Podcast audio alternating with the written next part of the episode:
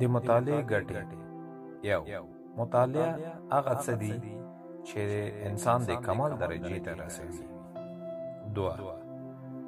د مطالعې له امله د پو او ناپو انسان توپیر کېدل شي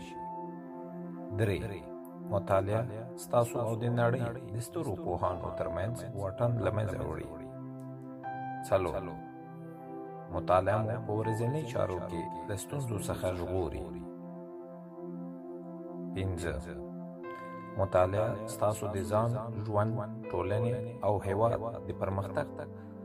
ستر لامل کېدلی شي شپږ مطالعه مو د نړۍ له پرمختګونو او اختراعاتو څخه خبروي و مطالعه مو ذهن پراخوي او نوښتونه ته مو هڅوي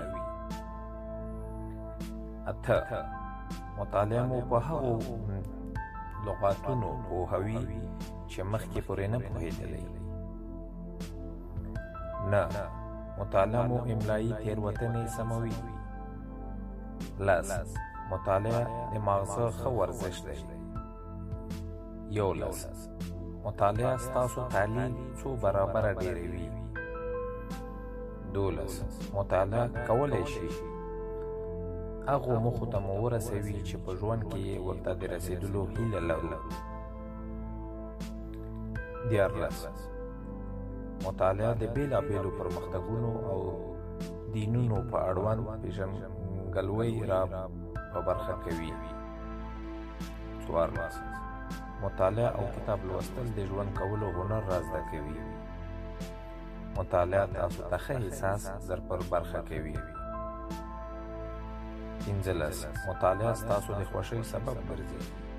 شپاړس مطالعه تاسو ته ټینګښت در بخیږي ولس مطالعه د ستاسو فکری تمرکز ډیروي اتلس مطالعه ستاسو شخصیت ته وده ورکوي نولس مطالعه ستړتیا ستړیا او ناخوښي له منځه وړي شل مطالعه غوره تفریح ده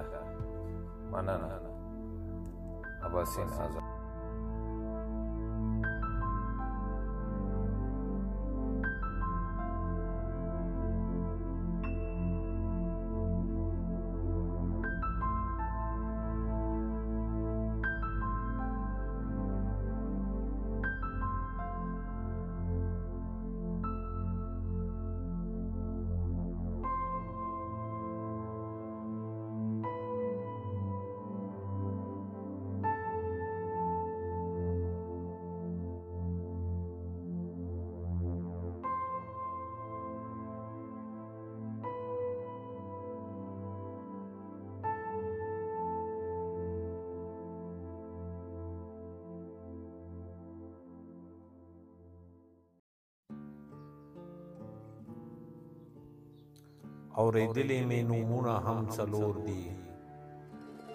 اوریدلې مې نمونه هم څلور دي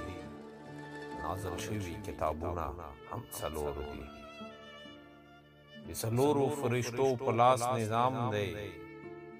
د څلورو فرشتو په لاس نظام دی امامان دي مسلکونه هم څلور دي په څلورو بازو ګانو دې سفر دی په څلورو بازو ګانو دې سفر دی جنازه کې تکبیرونه هم څلور دي رحمان وای د سلورو ملګرتیا کړه